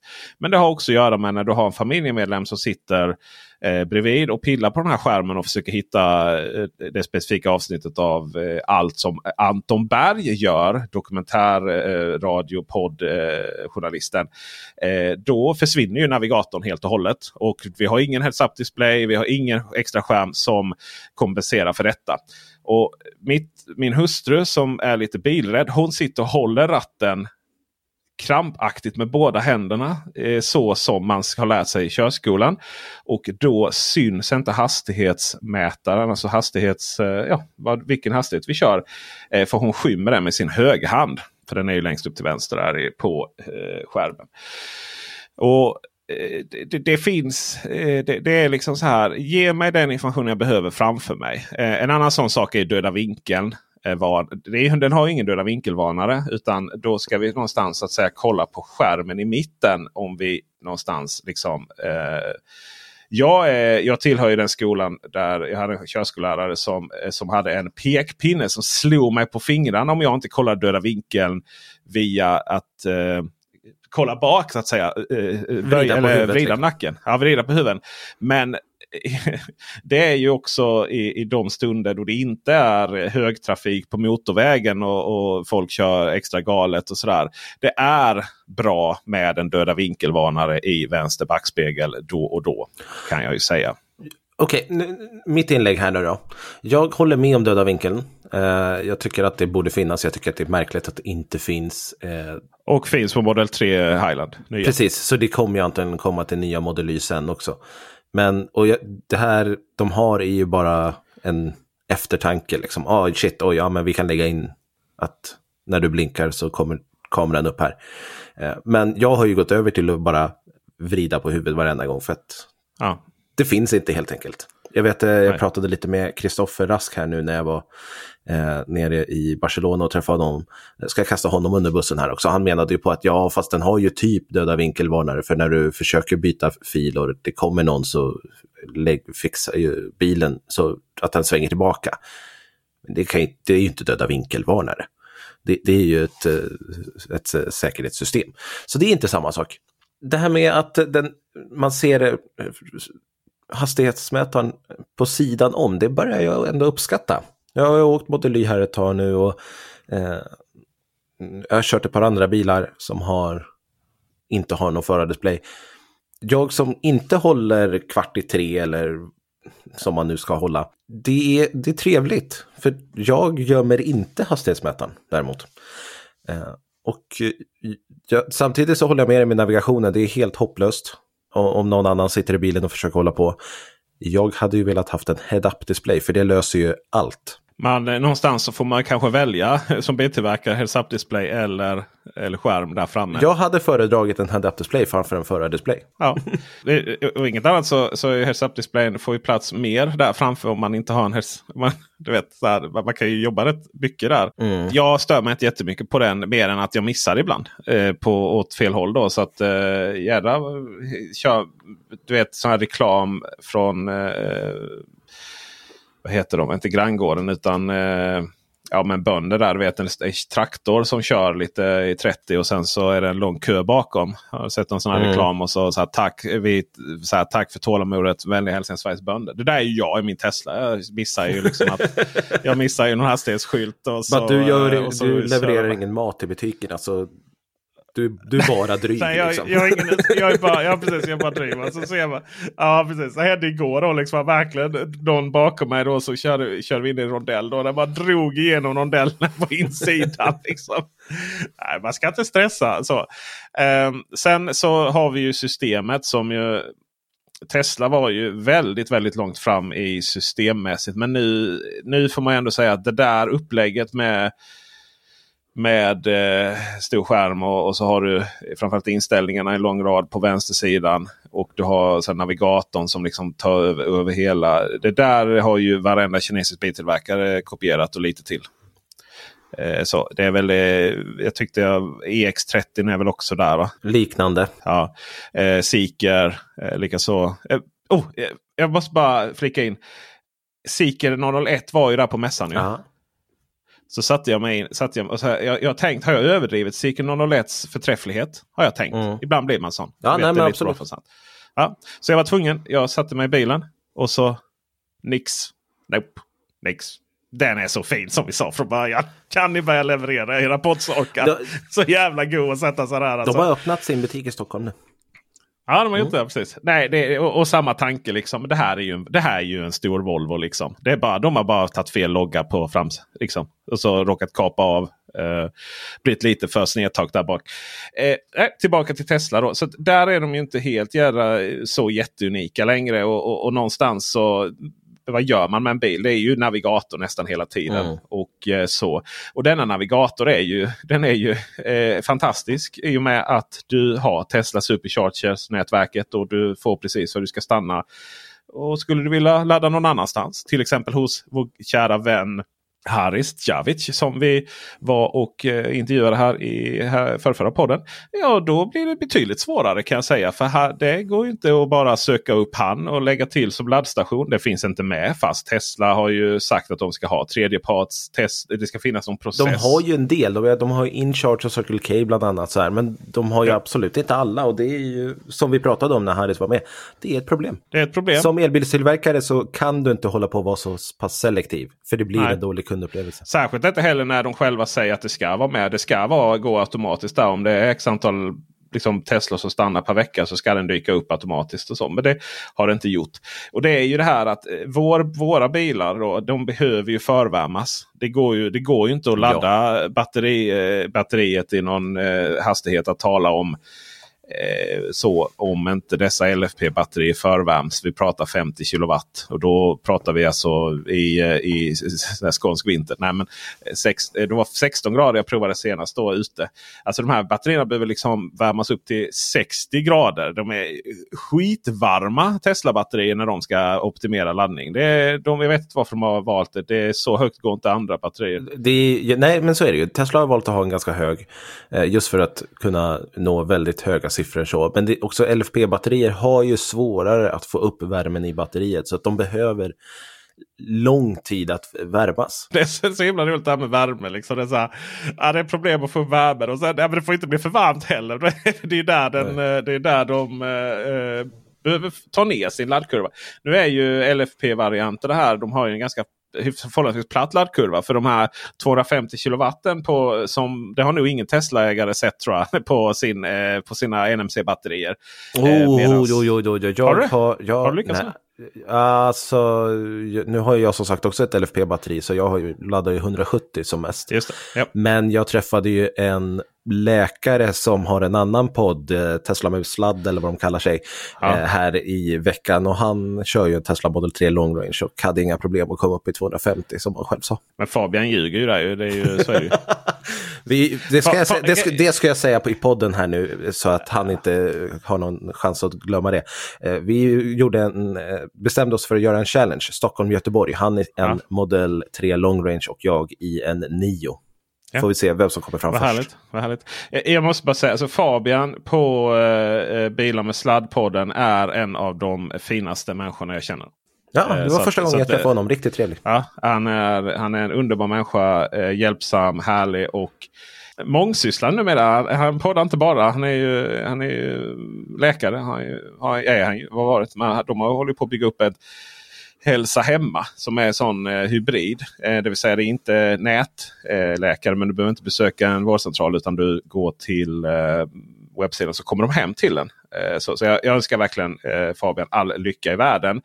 Eh, om än kanske eh, Tesla-intresset ibland eh, ska vi säga bländar ens eh, omdöme. För det är ju någonting med Tesla-bilar som eh, har lite svårt med bländande sol. För min kära bil, eh, det kommer vi nämligen till jag, anledningen till att jag inte kan rekommendera eh, Tesla bil till någon. Förutom Fabian då kanske. Jag eh, började ganska tidigt få problem med att bilen, eh, att vindrutetorkarna gick igång automatiskt i tid och otid. Då. Och detta började ju efter. Det funkade bra liksom på första långresan. Men sen när vi skulle hem så var det inte alls så. Utan de, ah, så fort jag aktiverade adaptiva farthållaren och eller autopilot. För det är ju så. Du trycker först ner en gång på spaken och sen så trycker du en gång till. Då så aktiverar du autopilot. Litet pro-tips här till testlägare. Man behöver inte trycka ner spaken så att den liksom klickar. För det är ju växelfunktionen. Du kan bara dutta ner den lite två gånger så aktiverar du autopilot. Jag tror jag åkte runt i två, tre veckor förra året när jag åkte en Model 3 och drog ner spaken hela vägen innan jag insåg att aha, oj vad lätt det var. För i, och med att du måste, precis, I att du måste aktivera autopilot hela tiden eh, så fort du kör om eller så. Så, eh, så var det jätteirriterande. Man skulle trycka ner. Men lite lätt duttande där. Det är faktiskt inte alls. Det är, det är, en, det är en liten eh, game changer faktiskt. Men nu var det så här att eh, okej, okay, så ja, då blev det problem med det. Då så fick jag köra med liksom, manuell gas då. På, eh, gas.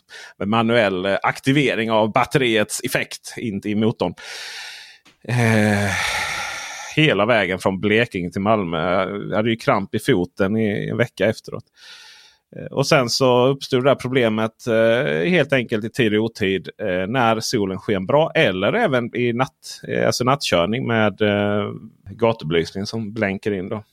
Väldigt intermittent ibland, ibland inte. sådär. Jag lärde mig, jag visste ju att vad det berodde på. Det beror ju på att eh, adaptiva farthållaren använder ju då inte radar längre. För den är, finns inte i bilen. Det är bortkopplat på äldre modeller som har det. Utan den använder kameran, framkameran.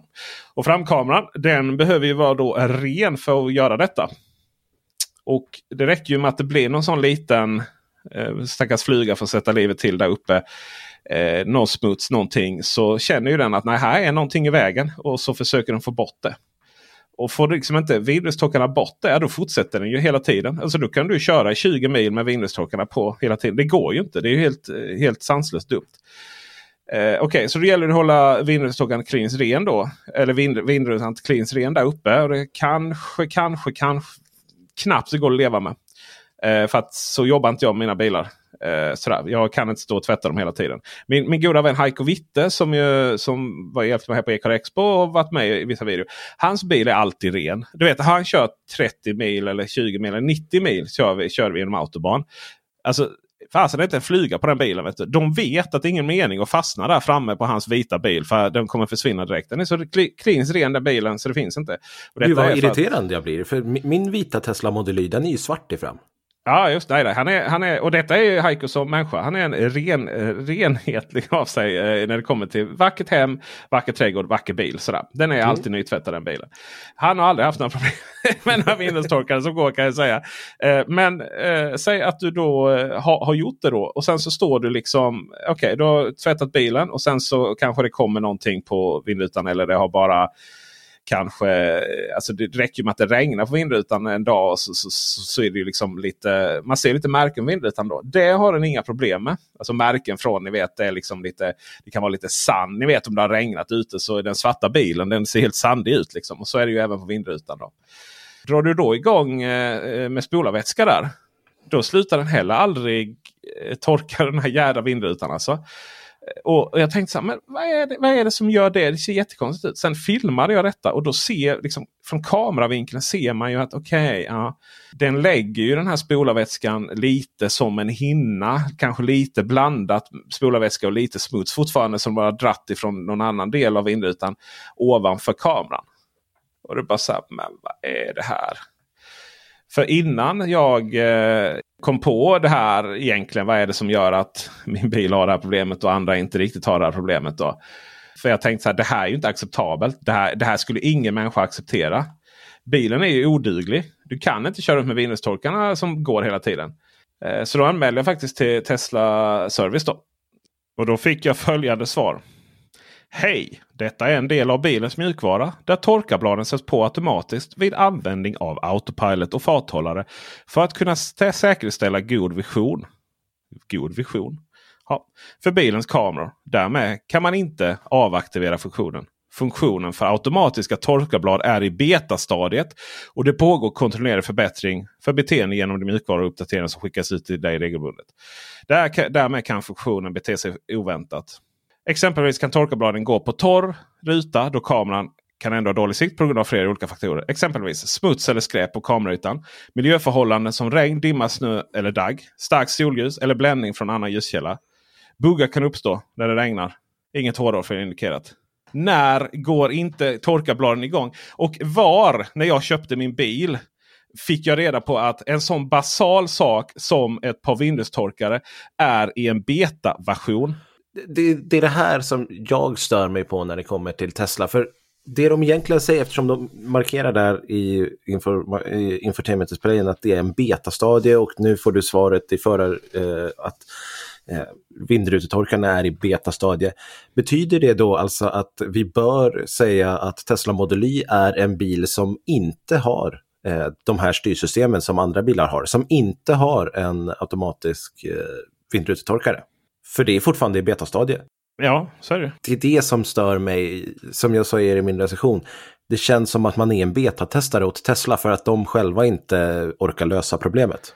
Ja, och det är det ju också. Eh, dessutom är det ju det om du, för när du köper den här bilen så kan du ju lägga till uppgraderad autopilot eh, för 38 900 kronor.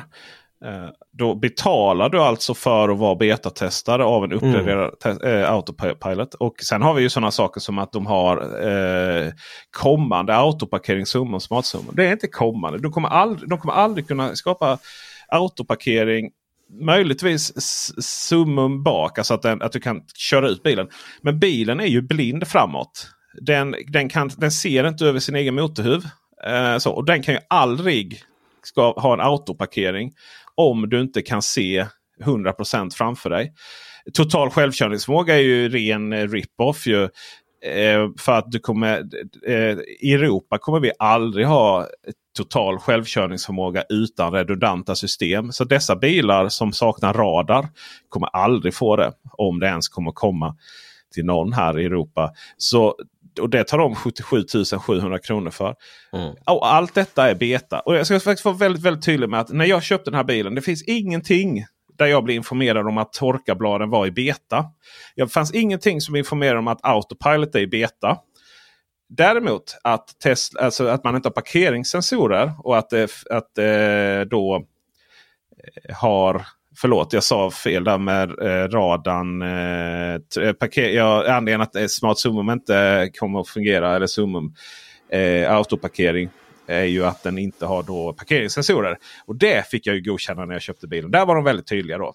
Eh, sådär. Och, och, det är faktiskt det minsta problemet för mig att den inte har parkeringssensorer. Eh, den har ju då att den mäter avståndet hyfsat då med framkameran framåt. Och sen så bakåt har jag ju kameran. Den ser man ju. Precis, och jag har ju alltid eh, dragkroken på också. Så, och den är liksom verkligen sådär. Man ser exakt vad den är. Och därmed så eh, riskerar du inte att köra in i. Jag har ju för att när jag eh, ibland om jag använder andra bilar och, och, så lär man ju sig exakt hur många mikrosekunder man har från när den, när den piper konstant och man backar. Där har det hänt att jag har kört in i någon stackars registreringsskylt med för att det var dragkrok på bilen som jag glömt bort. Då. By the way så köpte jag en ny registreringsskylt till denna trevliga kvinna. Hon blev jätteglad för hennes registreringsskylt var inte så fräsch innan. I alla fall, så, men däremot om jag hade bott i stan och skulle fick parkera hela tiden eller i parkeringshus så hade det här inte funkat. För den har ju svängradie som en eh, oljetanker. Det, det, det, den har så dålig svängradie den här bilen så det måste vara absolut sämsta svängradien på, av alla bilar. Ja, den är fruktansvärt dålig och jag förstår inte varför den är så dålig. Nej, det, det, det finns... Det, det, det, jag, vet, det, jag kan inte backa upp på uppfarten här eh, hemma. För att eh, det, om det är bilar på, parkerade på andra sidan gatan. För att då måste jag liksom backa och så måste jag köra fram lite och sen backa igen. För det finns inte sån svängrad. I ett trångt parkeringsgarage. Jag skulle aldrig ta in den här bilen i ett trångt parkeringsgarage. Nej, det är en challenge.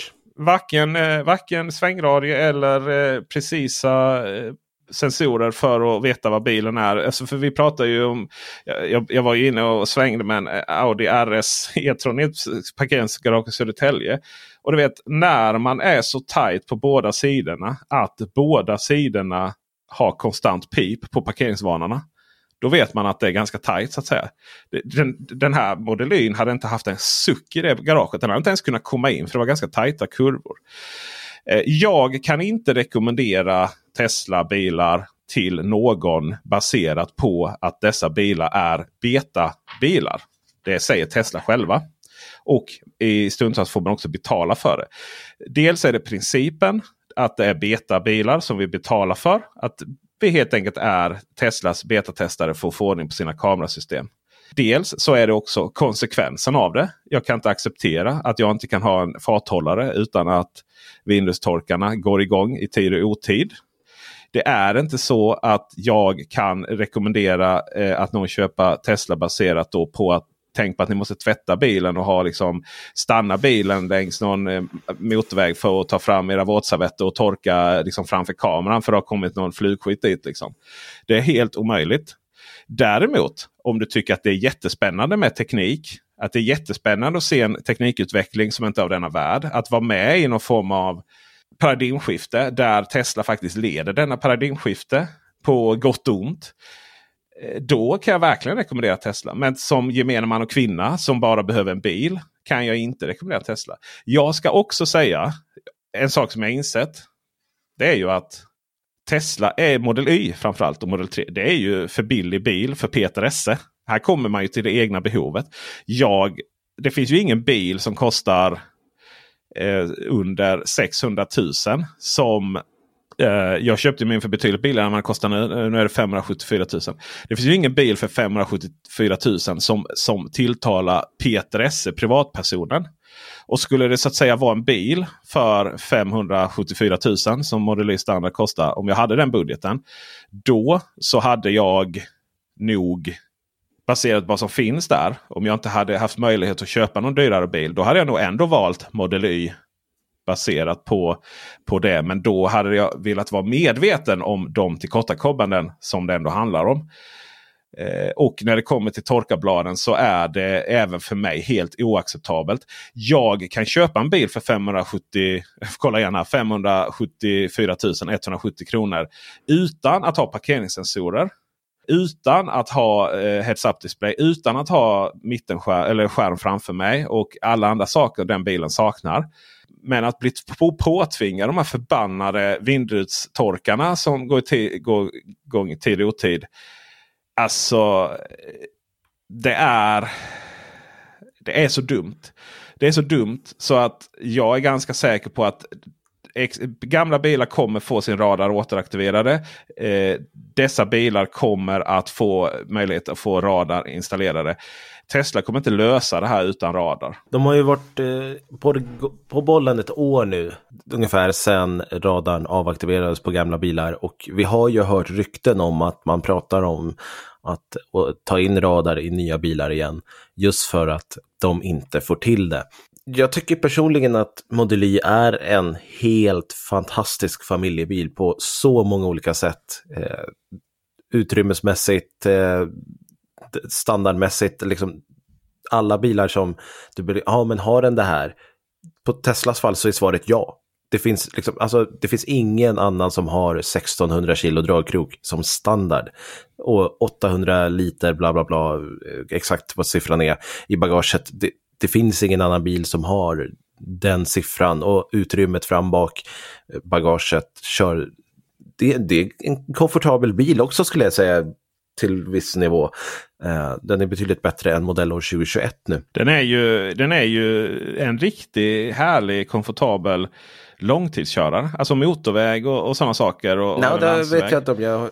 Ja. Nej, sådär. Ja, spännande. Ja, Nej, men alltså, jag håller inte med just på grund Nej. av eh, systemen som du, Nej, som du pratade om eh, tidigare. Just det, kom, det är ju kom, där just den kraftiga mm. parentesen är. Det håller jag med om. Eh, alltså det här att eh, behöva så fort, du, så fort du byter fil eller någonting så ska du aktivera eh, autopilot. Det är, ju, det är ju hål i huvudet.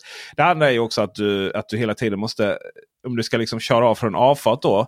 Så om du, du, du vet om du bara trycker upp lite så du blinkar tre gånger. Då släpper Mm. du inte autopilot. Då måste du tvinga loss autopilot så att det blir Mm. liksom ett ryck. Medan däremot om du blinkar, eh, trycker upp den helt då så den blinkar permanent tills du stänger av blinkersen. Då så eh, släpper den autopilot. Men det här att hålla på att behöva aktivera autopilot hela tiden. Och, och sen ja, då kan du uppgradera till, eh, till den andra då för 34 000. Och då kommer du kunna blinka ut och att den kör ut själv. Och sen så blinkar du in eh, själv. Eh, så, och så kör den in själv och så behåller den autopilot. Men det där är ju också som du konstaterar. Det, är ju inte riktigt alltid så man kör. Det kan ju vara rätt tajta situationer på motorvägen och att du faktiskt behöver kontrollera själv. För den är ju ganska försiktig som alla bilar när man, Mm. när man ska liksom göra det där per automatik. Eh, däremot så är den ju jag tänker inne i stan där. Jag vet inte om det är Malmö. Men du vet det här när du känner de här brunnslocken. Heter väg, eh, i, upp i ryggmärgen. Så här.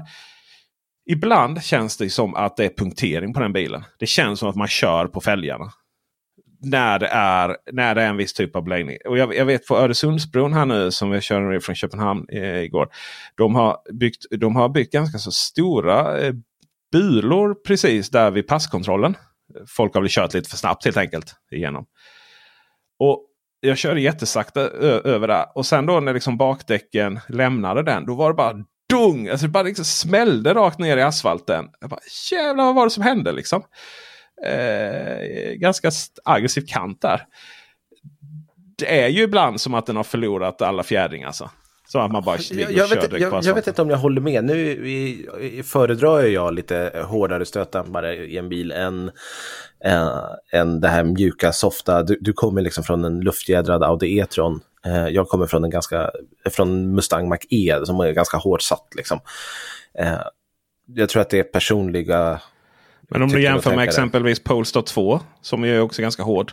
Mm. Eh, om du tar skillnad mellan de två. Det, som, det som var intressant där tyckte jag var Ja. att eh, när jag gick från eh, Tesla Model Y till Polestar 2 så kände jag bara så här. Fan, de är ganska lika de här. Det är ganska, stress, liksom, ganska så hårda i båda då. Men sen så när jag sen gick tillbaka från Polestar 2 till Model Y så var det bara så här. Jävlar i havet ja, just det. Nu, nu kände jag den där stenen på asfalten igen. Polestar 2 tycker jag ska lycka, lyckas hålla upp sig själv bättre Ja, än vad Model Y gör. Eh, Model Y... kanske är det där två olika sätt att säga samma sak. Ja, nej men det, det absolut. Så, så, Mo- Model Y är... Den hade kunnat vara mjukare för att den, det, är, det, är inte en, det är absolut inte en bil man ska köra aktivt. Eh, Polestar vill ju ändå vara lite sportigare så eh, och har satt bilen så. Jag håller med om att Model Y skulle kunna vara lite mer, men, men det är inte så att jag upplever det som ett problem nu, som till exempel med Nej. Model Y från 2021, för där var det ju katastrof. Håller med 100%. Och jag ska säga också att det här, är- det här är inte på något sätt en dealbreaker för någon. Eh, så. Och återigen 575 000 eller 574 000. Det, då är den okej. Och, och jämfört Mm. med första, första varianten så är det ju, det är ju, det är ju extremt stor skillnad. Sådär. Men man ska vara medveten om att den är jädra hård. Liksom. Och, och då, eh, jag kan ju tycka till exempel att ID- ID4 och hela de MEB-bilarna då eh, också är, eh, de är ganska så, man kan inte säga att de är riktigt gungiga. Liksom. Eh, Nej, det är de men- inte. Men, De är mycket mer de, komfortabla. äter upp liksom. Den, de är ganska fasta men de äter liksom upp någonstans de här små, eh, små eh, hacken i vägen och sånt. Eh, men, men, men det är ju, det, det, den, har ju, den har ju två stycken. Ja, men det, det, det finns väl tre. Alltså det, det, det är sällan en bil är liksom har tre saker. Tre betyg i ett den fantastiska bilen med det fantastiska infotainmentsystemet med det här ljudet. Alltså det, den här, det, det här liksom att jag, jag, jag- jag, kör ut Leon till eh, orienteringsskogen nu. Eh, så att jag får sitta i min ensamhet i bilen och titta på film. Eh, eh och, och höra det här eh, ljudet. För att det är typ bättre ljud, akustik i bilen än när jag sitter i min hemmabiorum. Sådär, wow liksom. Och så sätet går bak och, och jag har min YouTube, jag har min Netflix och, och wow. Liksom. Ja, men jag talar, eller, går ni, vi, du vet, man, man, man ska bara ladda bilen, det tar en kvart liksom, och så går de och, och, och, och shoppar. Så, ah, hur lång tid tar det? Nej men det tar väl 45 minuter att ladda eller någonting. Va? Så att, och sen så kopplar jag ur bilen efter en kvart och ställer mig bredvid. Och så, och så bara njuter jag av min egen tid. Och sådär. Det där är ju, det där är ju så. Och den här stora storleken. och på, alltså, utrymmesmässigt och, och, och, så, och, och till det här priset. Och, och panorama, dragkrok ingår även om Eh, även om den är inte... Sen är det Model Y. Den har oförtjänt dåligt rykte när det kommer till att montera dragkroken. Det är faktiskt inget jätteproblem. Bara ha en eh, osthyvel med dig så du får bort luckan. Min är permanent eh, monterad. för att... Ja, jag har testat. Eh, det, jag upplevde inte heller något jätteproblem nej, med att nej. montera dit dragkrok. Eh, men det var ju Model 3 är det ju som är framförallt eh, jättejobbigt. Ja, den är knepigare ja. som jag förstått ja. det. Eh, den har, eh, för det här priset så är den outstanding. Och så har den då Eh, ganska låg eh, ränta också med de, de erbjudandena. Sen har du ju det här där den saknar saker som är ganska så basala. Antingen en förardisplay eller heads-up display. Jag hade velat haft 360. Jag hade velat haft eh, Apple CarPlay. Och ja. där, där hamnade jag i en diskussion med Fabian igen, liksom, för han eh, ifrågasatte det där. Den har ju Spotify, vad mer behöver man? Ja, men ja. det jag älskar med Spotify, jag lyssnar jättemycket på poddar där, det är den här eh, nya avsnitt finns i Spotify, i all, Apple CarPlay, i appen och så. Eh, där går jag in, där ser jag alla nya avsnitt som har kommit. Den finns inte hos eh, Teslas. Går jag till mitt bibliotek, poddar, då finns inte nya avsnitt där. Så att jag måste gå in i varenda podd för att se om det har kommit upp nya avsnitt. Jag blir galen på det där.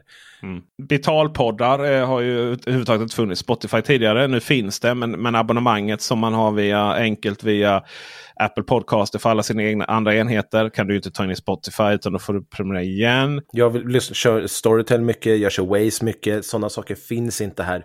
Och det, det, det behöver en App Store. Det behöver en App Store. Precis. Eh, det, det, jag sak, alltså, det jag saknar med Apple CarPlay det är ju inte själva Apple CarPlay, det är ju apparna. Och där vägrar ju Tesla uppenbarligen bygga apparna. Och då blir det ju att jag saknar innehåll.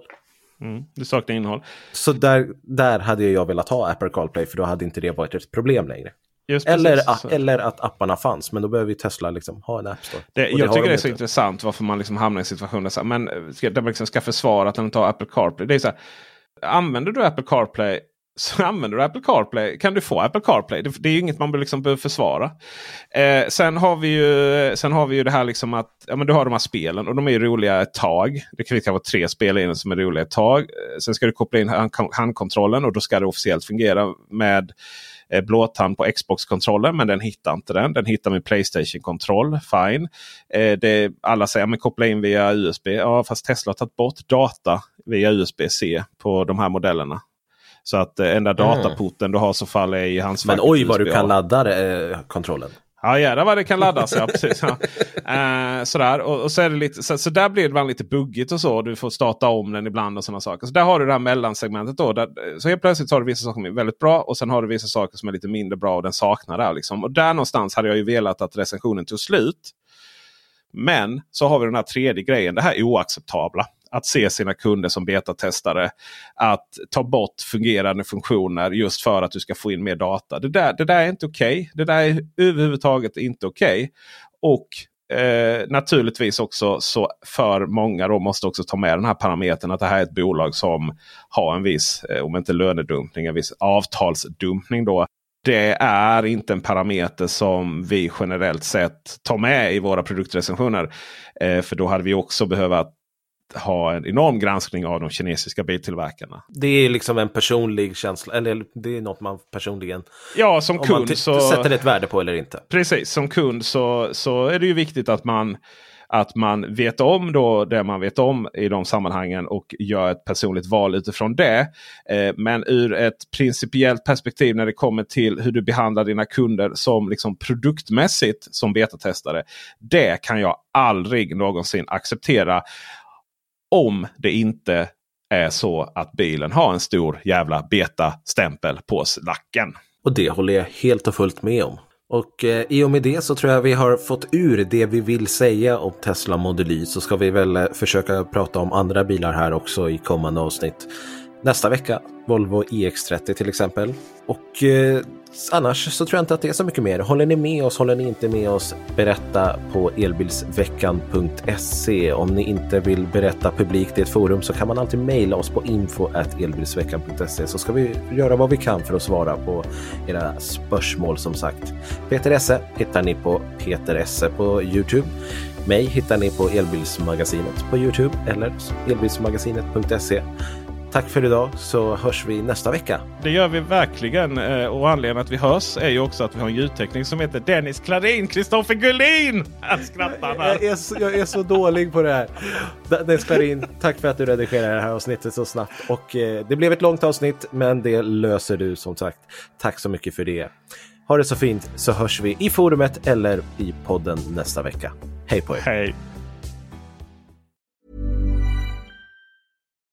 As humans, we're naturally driven by the search for better. But when it comes to hiring, the best way to search for a candidate isn't to search at all. Don't search, match with Indeed. When I was looking to hire someone, it was so slow and overwhelming. I wish I had used Indeed. If you need to hire, you need Indeed. Indeed is your matching and hiring platform with over 350 million global monthly visitors, according to Indeed data, and a matching engine that helps you find quality candidates fast. Ditch the busy work. Use Indeed for scheduling, screening, and messaging so you can connect with candidates faster. And Indeed doesn't just help you hire faster. 93% of employers agree Indeed delivers the highest quality matches compared to other job sites, according to a recent Indeed survey. And listeners of this show will get a $75 sponsored job credit to get your jobs more visibility at Indeed.com slash podcast. That's Indeed.com slash podcast. Terms and conditions apply.